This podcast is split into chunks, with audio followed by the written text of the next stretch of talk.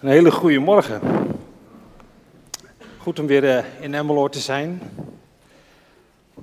Speciaal door uh, West gereden vanmorgen, over de Zwin.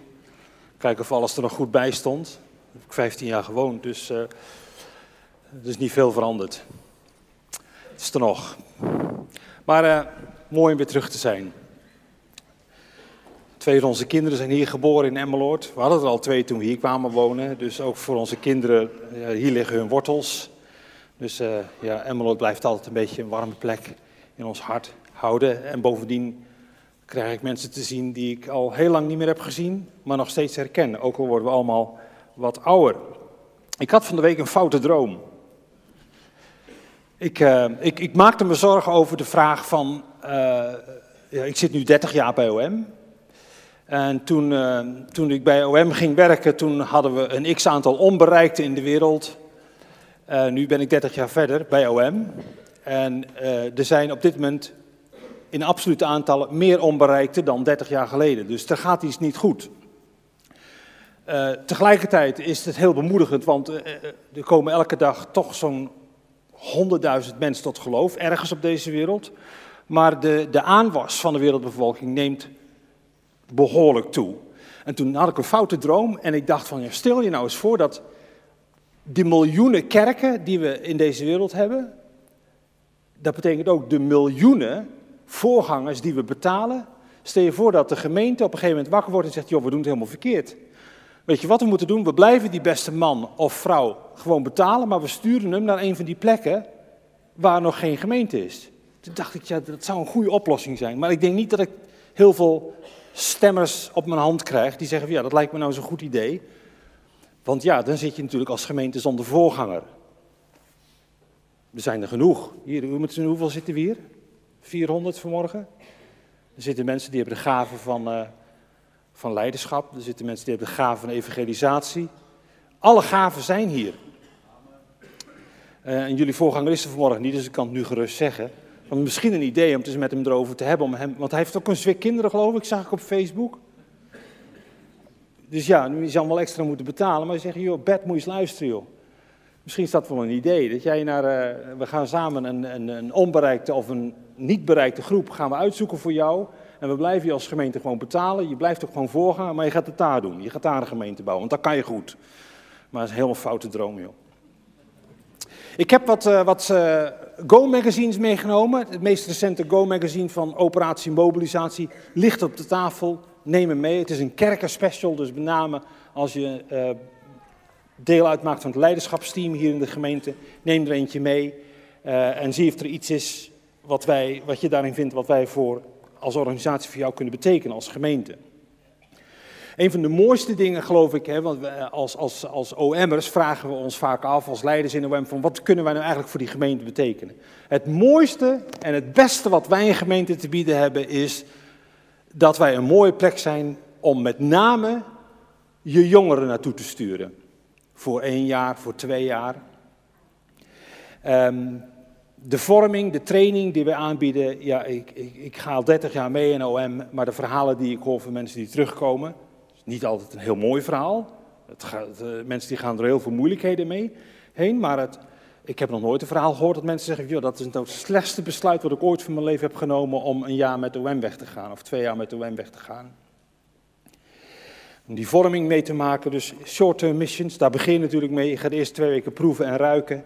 En dan, krijg, dan smaakt dat naar meer. En zo gaat dat dan door. Maar we blijven behoefte hebben, en niet alleen uh, OM, je hoort het vanmorgen ook in het, in het verhaal uh, van de pausmaas. Uh, er zijn gewoon meer werkers nodig. Meer en meer. Ik wil een paar versen lezen en ik ga dus nadenken over deze vraag. falen en doorgaan. Hoe verhoud ik mij tot mijn onvolmaaktheid en wat doet dat met mijn plek in de kerk. Ik begin met Genesis 17, vers 1. Toen Abraham 99 jaar was, verscheen de Heer aan hem en zei: Ik ben God, de ontzagwekkende. Leef in verbondenheid met mij, leid een onberispelijk leven. Dan moet je je voorstellen dat je, dat je Abraham bent en je krijgt deze woorden te horen. Dan heb je natuurlijk meteen zoiets van: check, gaan we doen. leidt een onberispelijk leven. Toppie, gaan we helemaal doen. Ingewikkeld. In Leviticus 16, vers 29 lezen we: De volgende bepaling blijft voor jullie voor altijd van kracht. De tiende dag van de zevende maand moeten jullie in onthouding doorbrengen en je mag dan geen enkele bezigheid verrichten, geboren Israëlieten evenmin als de vreemdelingen die bij jullie wonen. Want op die dag wordt voor jullie de verzoeningsrieten eh, voltrokken, opdat jullie van al je zonden gereinigd worden en de Heer weer rein tegemoet kunnen treden. Ik had, ik had mezelf een timer gegeven, die gaat dan af als ik klaar moet zijn, maar ik vergeet aan te zetten, dus hij begint nu. En dan, uh, en dan tenslotte, um, uh, Matthäus 5, vers 48, is er eentje aan ons gericht. Wees dus volmaakt zoals jullie hemelse vader volmaakt is. En, en ik, ik hoor het, ik probeer het me voor te stellen dat Jezus dat tegen mij zegt. Jan, wees volmaakt zoals mijn hemelse vader volmaakt is. En dat ik meteen zoiets heb, gaan we doen. Ga een filmpje kijken.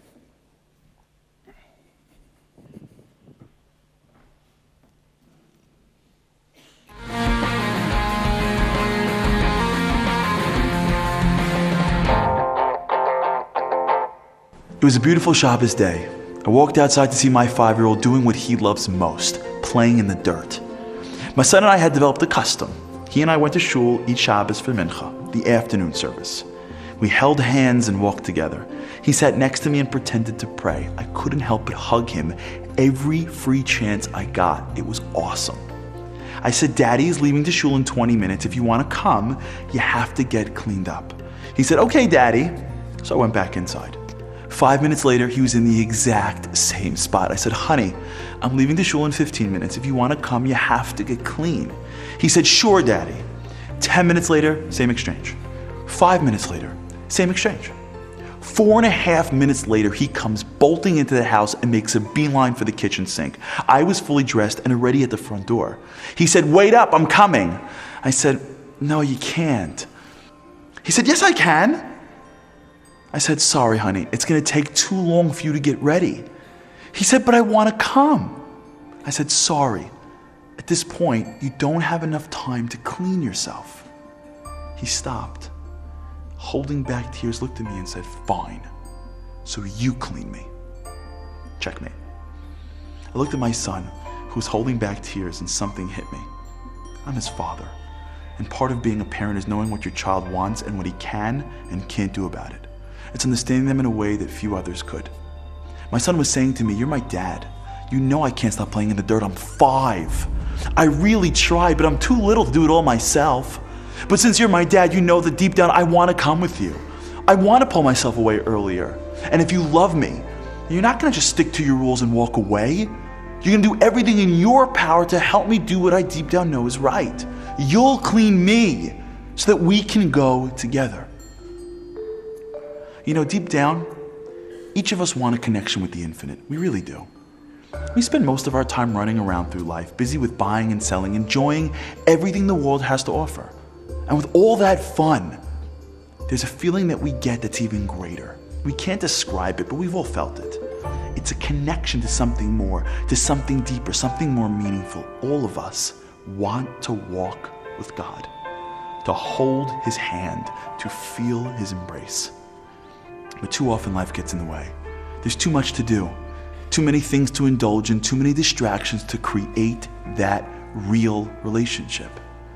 And we enter into the high holidays, and God says, This is a great time to connect, to introspect, and to create that real relationship, to clean up so that we can walk to shul together. And we say, Sure, Daddy. And we try, but we don't feel clean enough. We still feel like we're in the dirt. So Yom Kippur comes, and we're sure we're gonna get clean then. We're gonna ask for forgiveness. We're gonna change. We're gonna grow. And yet, deep down, we feel like we're just not good enough.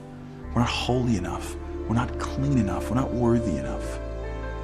We realize that we can't fully clean ourselves. It's at this point that we turn to God and say, I've done what I could. You're my dad. You know me. You know how much I really believe in you. You know how much I really want this. I want to emulate you. I want to feel your love. but I'm a human being and I can't clean myself. But you're my father, so you clean me. Yom Kippur is when we get to that point of truth, of clarity, of depth. That point when we realize how much He loves us, how much He wants to have the relationship with us, how much He wants us to look Him in the eye and say, Clean me.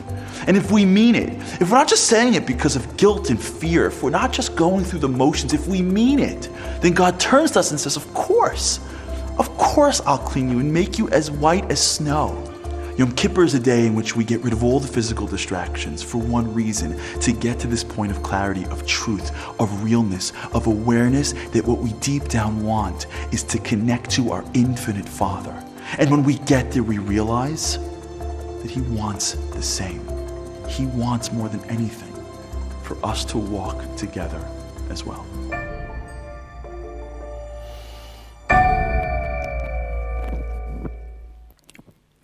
Verlossing is er altijd geweest. Het Oude Testament. En het vindt zijn uh, hoogtepunt in het werk van Christus aan het kruis van Golgotha. Maar de vraag hoe goed moet ik zijn, het houdt ons allemaal bezig. We leven allemaal uit die genade, uit het geloof en het vertrouwen dat het werk van Christus die verlossing heeft gebracht. En toch worden we achtervolgd, toch worden we voortdurend geplaagd door die gedachte van wat moet ik nu nog doen? Uh, hoe goed moet ik mijn best gaan doen? Uh, en ik kan me heel erg vinden in dat beeld van, van dat, dat jongetje van vijf jaar dat in de zandbak speelt. Dat ben ik. Ik, zit, ik verlies mezelf heel vaak. En dan, als ik tot de orde geroepen word, dan merk ik, ik zit nog steeds in die zandbak te spelen.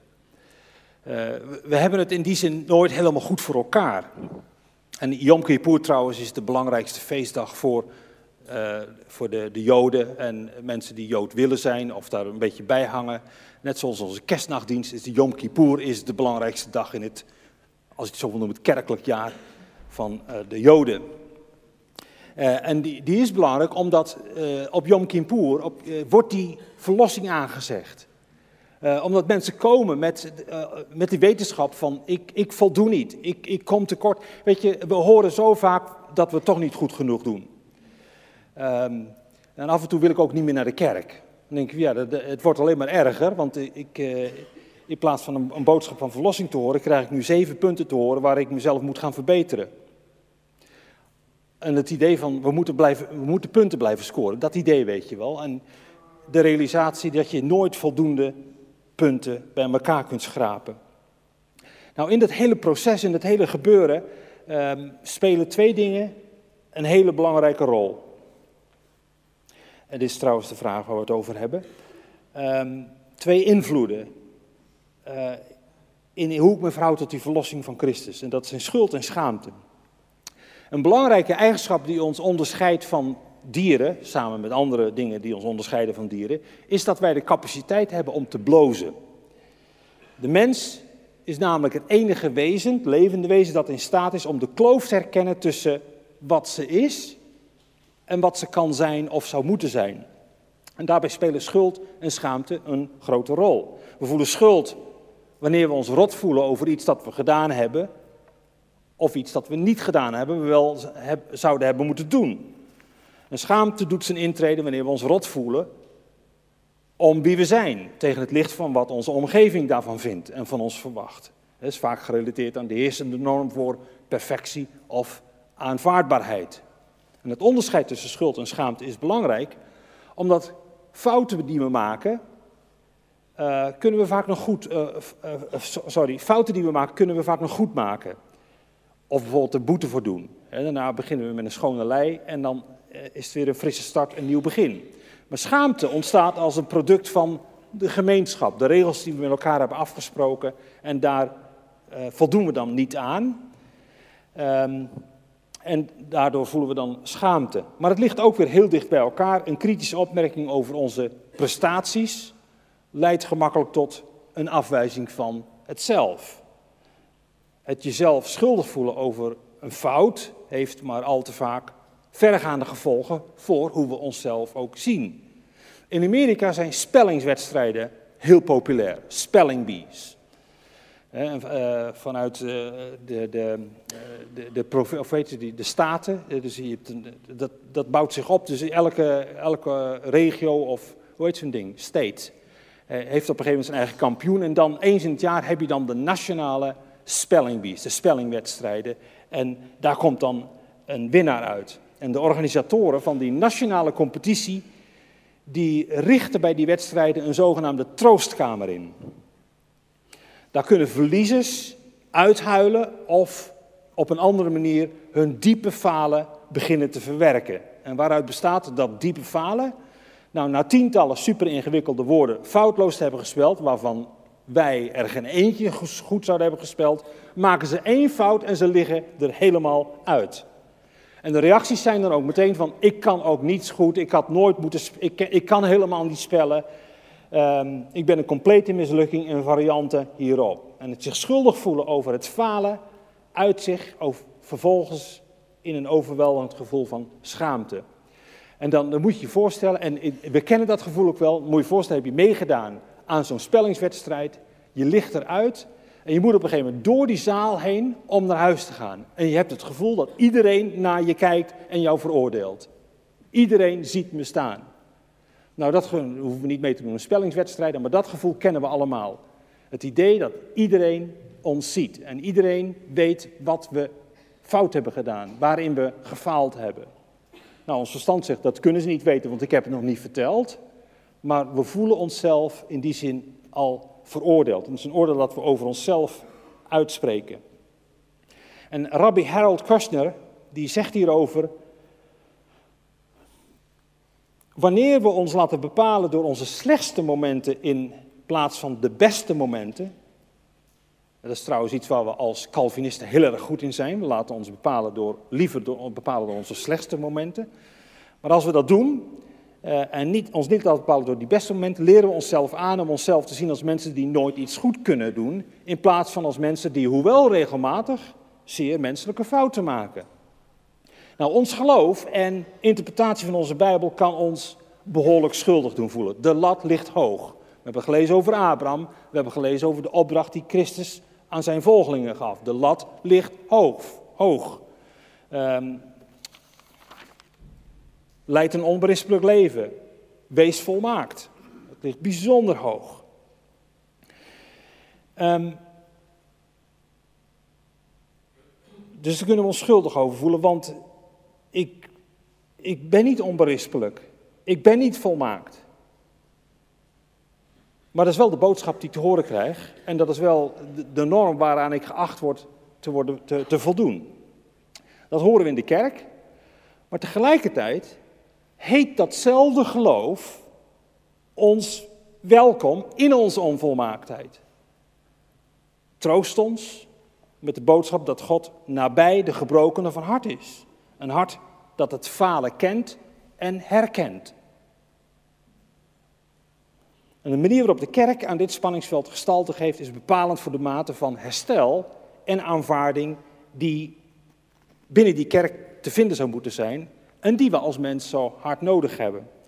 Als die kerk een gemeenschap is in bijbelse zin, is het bij uitstek de plek waar mensen elkaar vinden in hun kwetsbaarheid in hun gebrokenheid en waar de schuld niet langer wordt ingevreven en ingepeperd, maar waar je die arm om je schouder vindt die je zo hard nodig hebt. Of dat duwtje in de rug waardoor je verder kunt. En een van de dingen waar we als kerk mee af moeten rekenen is wat ik de illusie van de lineaire progressie noem. Klinkt ingewikkeld, is het helemaal niet. We zijn er allemaal heel erg mee bekend met het fenomeen. Het is een combinatie van enerzijds het streven naar volmaaktheid. Daartoe roept de Bijbel ons immers ook op. Onberispelijk en volmaakt zijn is het devies. En anderzijds de verwachting dat we elke dag een stukje verder komen. Stilstaan is er niet bij, want zo weet iedereen, stilstand is achteruitgang. En daar moet je over nadenken. Die, we hebben heel veel van dat soort one-liners die als je er diep over nadenkt, uh, helpen ze ons echt niet hoor. Stilstand is echt niet altijd achteruitgang. Moet je maar eens over nadenken. Maar goed, dat heeft allemaal te maken met hoe we eh, ons christelijk wereldbeeld hebben ontwikkeld en de fouten die daarin zijn geslopen en waar we nu nog steeds mee leven met de gevolgen daarvan. Ook Paulus, die in Efeziërs 4 het fundament van die gemeenschap bespreekt, meldt ons dat we, als we ons aan de waarheid houden en elkaar lief hebben, samen volledig toegroeien naar Hem die het hoofd is. Dus dat is een lineaire, het is een beweging van links naar rechts of van rechts naar links, van de ene kant naar de andere kant. Nou, wat is nu het probleem met de filosofie achter dat model? Het is te eenzijdig, het is een zeer westerse kijk op hoe de mens, de gelovige in dit geval, zich ontwikkelt. Het gaat uit, en, en in die zin is het ook eh, de, de basis voor ons hele kapitalistisch systeem. Een kapitalisme vindt weer zijn oorsprong in uh, de, de, de reformatie. Kapitalisme is geen uitvinding van de wereld, maar is een uitvinding van de kerk. En dat is het idee van, we moeten elk jaar winst maken, elk jaar groei. En dat hebben we eigenlijk één op één gekopieerd naar hoe we kijken naar ons geestelijke ontwikkeling toe. Er moet groei zijn, er moet verandering zijn. Als je dit jaar niet meer punten hebt gescoord, dan doe je het niet goed. Nou, zolang de omstandigheden gunstig zijn en er niet al te veel tegenwind is, je lekker in je vel zit, werkt dit. En dat is voor elk bedrijf ook zo. Natuurlijk gaat een bedrijf, die begint ergens, die start ergens en die, die, gaat dan, die gaat dan uit van groei.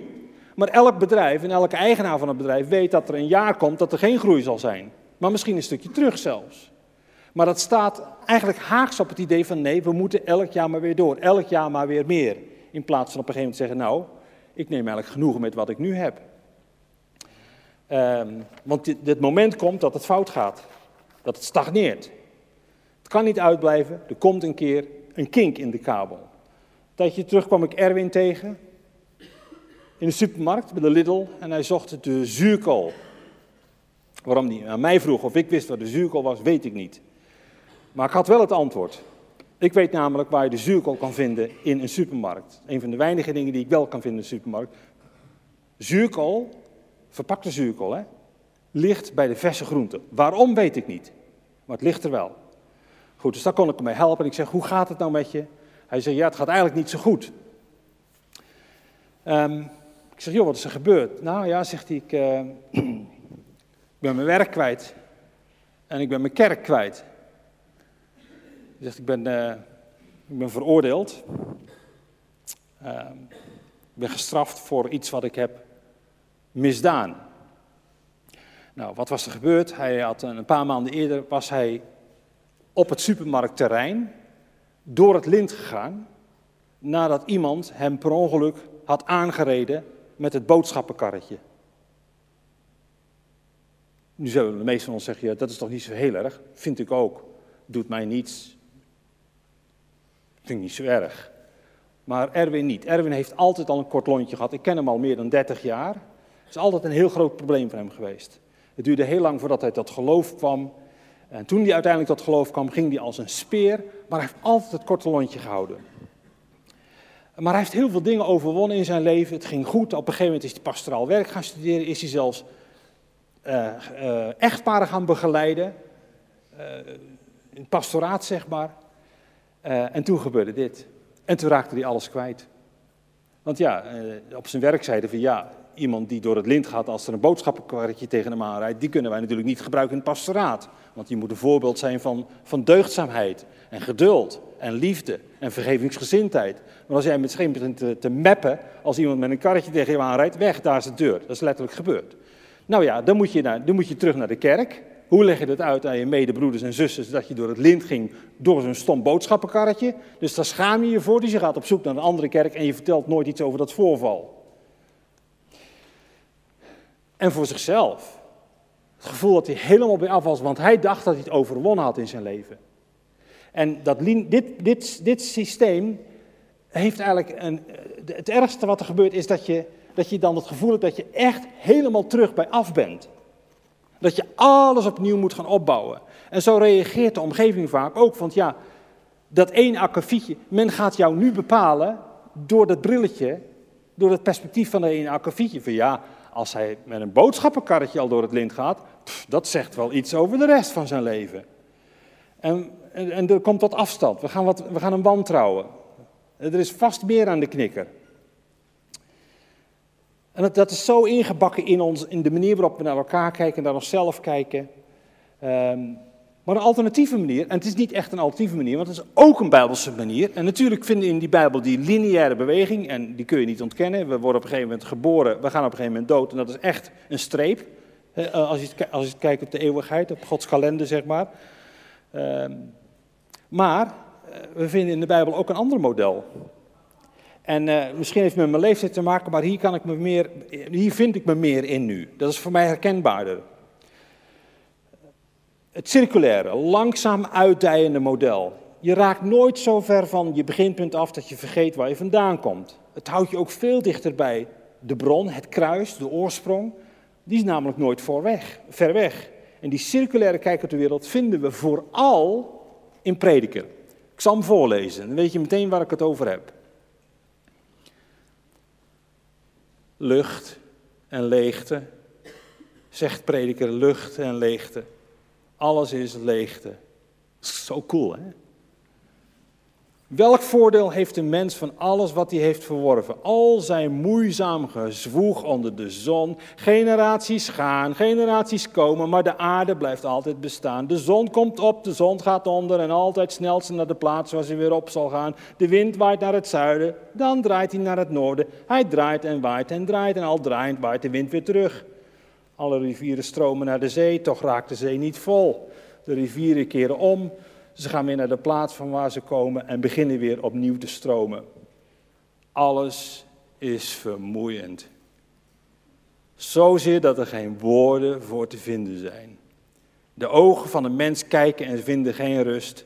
Zijn oren horen, ze blijven horen. Wat er was, zal er altijd weer zijn. Wat er is gedaan, zal altijd weer worden gedaan. Er is niets nieuws onder de zon. Dat is zo bemoedigend. Ik vind ik zo cool. Want we zijn, maar, we zijn maar bezig om nieuwe dingen uit te vinden. Met preco kan ik niet een, een, iets vinden waardoor het een, een, eh, ja, eh, een waarheid die altijd uit verborgen is geweest, die niemand anders ooit heeft gezien en die ik dan kan presenteren. Altijd op zoek vernieuwing. Het moet anders. En prediker zegt, ah joh, ja, je denkt dat je iets hebt verzonnen, met iets nieuws komt, man. Ben jij een vermoeiend mens, zeg. Dat is al lang een keer eerder gebeurd. Dus dat herkennen we ook. Hopelijk. Nou, in, in onze geschiedenis is, uh, of in de geschiedenis is de kerk vrij succesvol geweest. En is dat vaak nog wel in het benadrukken van de verwijdering en scheiding tussen God en de mens. En dat het alleen de genade van God is die ons redt. Ja, check. Maar voor die genade, hoewel in principe gratis, wordt je wel geacht het een en ander te gaan doen. We moeten nu punten gaan verdienen. De lat gaat omhoog. Zo hoog dat niemand er nog bij kan. Maar we zijn redelijk goed, doen, goed in het doen alsof. Neem daarentegen groepen zoals de AA, de anonieme alcoholisten. Daar krijg je te horen, ik ben niet oké, jij bent niet oké. En that's oké. Op het moment dat ik zeg, ik ben niet oké, en jij zegt, ik ben ook niet oké, hebben we een, een uitgangspunt wat ons samenbindt. Jij, doet je niet beter, hoger, sterker, krachtiger voor dan ik en ik ook niet. Wij delen onze zwakheid. En die gedeelde zwakheid uh, geeft dat we elkaar recht in de ogen kunnen kijken en elkaar de dingen kunnen vertellen zoals ze zijn. Dat is de kracht van bewegingen zoals de AA. Ehm, die trouwens, die, dit hele anoniem alcoholisten is weer gestoeld op de, de, de ontwikkeling van de, de, de, de, kleine groepen van John Wesley. Um, dus die, die, die, die gebruiken principes die John Wesley, de, de methodistische voorganger, heeft ontwikkeld. Um, dus wat ons samenbindt is niet gedeelde kracht, maar gedeelde zwakheid.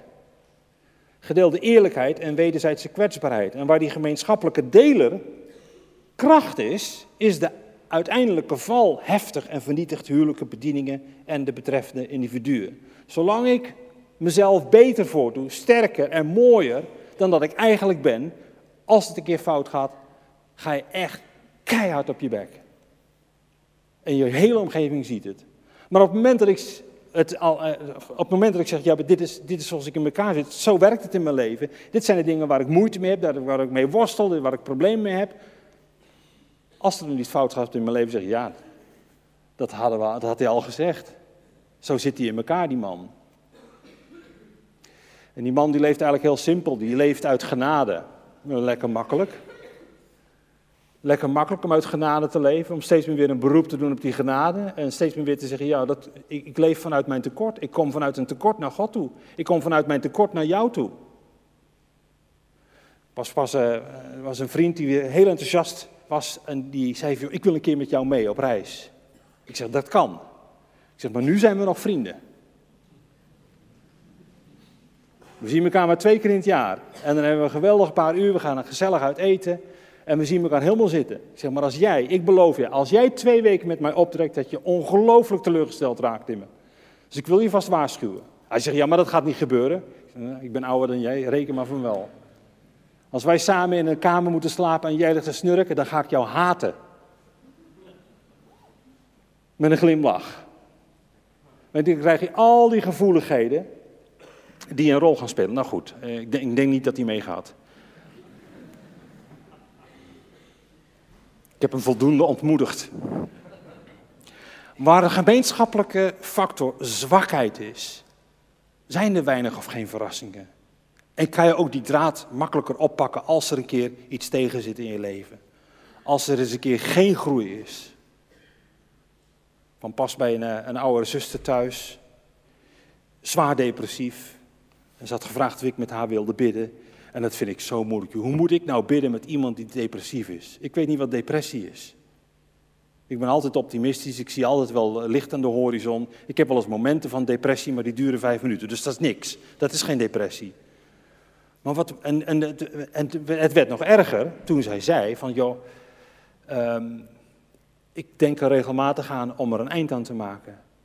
Ze zegt, en dat houdt mij het meest bezig, want daar voel ik me zo schuldig over. Ik zeg, nou weet ik hoe ik voor u kan bidden. Daar moet je mee kappen, met je schuldig voelen over dat soort gevoelens, want daar doe je niks aan. Die zijn er. En we gaan de Heer uitnodigen om in jouw situatie zoals die nu is, met jouw gevoelens, of Hij zijn aanwezigheid wil laten merken, voelen.